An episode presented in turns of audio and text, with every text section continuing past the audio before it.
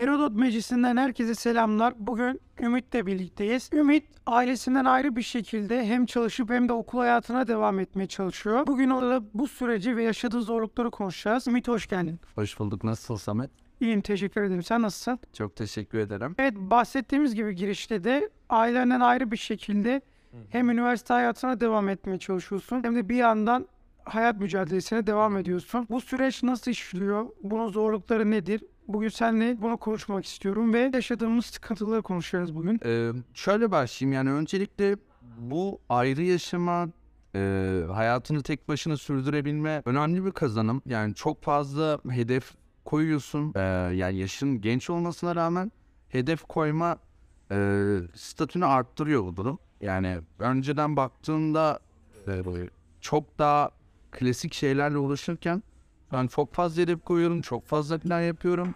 Ee, bu kapsamda kendimi çok daha fazla geliştirdim. Olgunlaşmış hissediyorsun Tabii ki. kesinlikle. Tabii ki yani hem hayat olarak e, hem düşünce yapısı, kafa yapısı olarak e, seni bu bağlamda geliştiriyor. Ayrıca eklemek istediğim zorluklarına baktığımızda sonuçta e, yani yemek sıkıntısı, e, giderler, gelirler yani bunların e, tutumlu olma, bunları mixleme çok zor bir durum açıkçası. Çok önemli bir deneyim aslında. Tabii çok önemli bir deneyim. Ayrıca e, kariyer bakımından da e, kendini geliştirdiğin ve hedefler e, fazlasıyla koyduğun bir deneyim. Tabii Ne kadar daha bu şekilde gidebilir? Onunla alakalı benim de kafamda kesinlikle soru işaretleri var. Sonuçta bir insan e, aileye ihtiyaç duyuyor. E, aileden uzak olmak, tek başına hayatını sürdürebilme gereksinimi bunlar e, önemli şeyler kazandırıyor insana. E, Bir nevi keskin virajlar yani. Tabii ki çok önemli virajlar.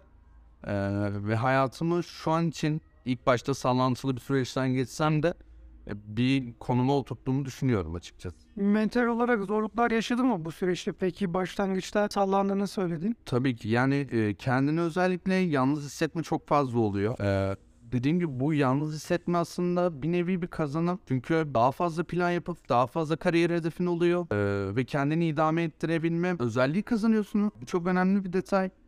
Ee, bu gibi süreçlerden geçtiğim için açıkçası kendimi bir nevi şanslı hissediyorum. Aslında bu kadar erken geçmek çok iyi olmadı benim için. Yani Çok çabuk oldu. çabuk oldu ve çok ani oldu. Ama bu da bir şeyler kazandırdı bana. Kesinlikle kattığı şeyler çok fazla. Yani gençlik döneminde tam anlamıyla aslında yaşayamadan bir anda yetişkinliğe erişin diyebiliriz. Aynen öyle. Yani bu süreç çok hızlı gelişti. Çok bir anda oldu. Ve e, sorunlu olması açıkçası beni e, çok etkileyen kısmı. Ama bunu çabuk atlattığımı düşünüyorum. Yani bir sene bile dolmadan atlatabildim. Bu yönden de önemli bir kazanım elde ettiğimi düşünüyorum. Şimdi günümüz Türkiye'sinde geçim maalesef ki çok zor. Bir şekilde çalışmak zorundasın çünkü hayatını devam ettirmen lazım. Ve bir yandan da okulunu okuyorsun. Dersler aksıyor. Bunu idare edebiliyor musun? Şu an süreç nasıl gidiyor okul? Yani şöyle aslında birlikte götürebildiğimi düşünüyorum temel olarak ama e, okul babında gerekli kazanımları e, ister elde edemiyorsun. Çünkü e, part time çalıştığım takdirde e, kendimi idame ettirebilir miyim? Burada çok büyük soru işaretlerim var. Ama e, full time çalıştığım için de okulla alakalı kendimi geliştirme konusunda e, gerekli kazanımları elde edemediğimi açıkçası düşünüyorum şu an Dersleri çok aksadı mı peki bu süreçte? fazlasıyla. Yani birçok e, teslim etmem gereken projeyi, yapmam gereken ödevi e, veremedim. Bunun yanında devamsızlık çok fazla yaptım. Bunlar açıkçası çok önemli eksiler. E, ama bir şekilde e, belli bir süreden sonra okulla birlikte götürdüğünde yani rayını oturttuğumu düşünüyorum. Peki şu anda ülke olarak maalesef zor dönemlerden geçiyoruz. Ekonomik anlamda çok ciddi sıkıntılar var. Enflasyon %200 olmuş durumda.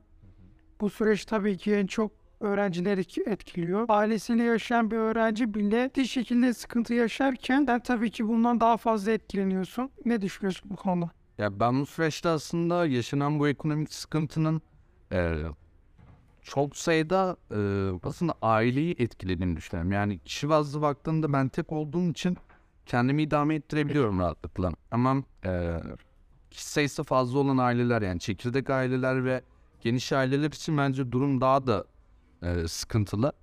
E, çünkü çocuğu olan birçok insan var. E, çocuklarına yani verdikleri harçlıklarla birlikte e, refah içerisinde yaşatamıyorlar. Ya bu durum hem mental olarak hem de ekonomik olarak çok etkiliyor e, aile bireylerini, ebeveynler özellikle. E, Ben bu konuda yani problemi tek başıma yaşadığım için aslında kendimi şanslı hissediyorum bir nevi.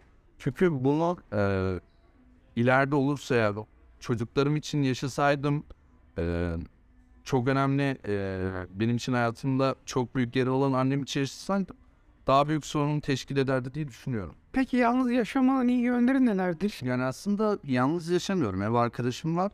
Hı hı. Ee, İstanbul şartlarında biliyorsun kiralar çok yüksek, faturalar yani ateş pahasıyken hani bu e, bunun ikiye bölünmesi özellikle çok önemli bir avantaj. Gerekirse üçe dörde bile iyi arkadaşınız varsa Çok istemem açıkçası. Yani titiz bir insan olduğum için ev arkadaşımı e, seçerken dikkat ettiğim noktalardan biri o. Yani onun için birçok kişiyle aynı evde yaşamayı çok kabul edecek biri değilim. zaten zor bir şey. Tabii çok zor bir şey yani aynı uyumu yakalamam. Ee, avantajlarının en önemli detaylardan birisi yani hesap verdiğin birisinin olmaması, e, rahat hareket edebilmen, e, yani bunu yapıyoruz dediğinde yapabilmen çok önemli bir şey.